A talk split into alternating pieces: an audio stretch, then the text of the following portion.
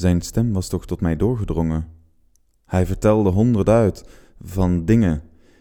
Ik had zijn woorden toch gehoord, evenwel valt niet te verdringen dat iets anders me verstoort. Iets dat niet in zijn verhalen, noch in zijn blijde zijn verlicht, maar iets dat in mij vurig wenst dat ik mijn aandacht elders richt. Ergens waar het sap stroomt, ergens waar de wind waait, waar het gras woekerend wuift in alle richtingen dag en nacht, ergens waar de brand vurig om zich heen grijpt, waar een vreemdeling extatisch lacht, waar dingen, woorden, façades vergaan en alles alleen nog voor zichzelf kan staan.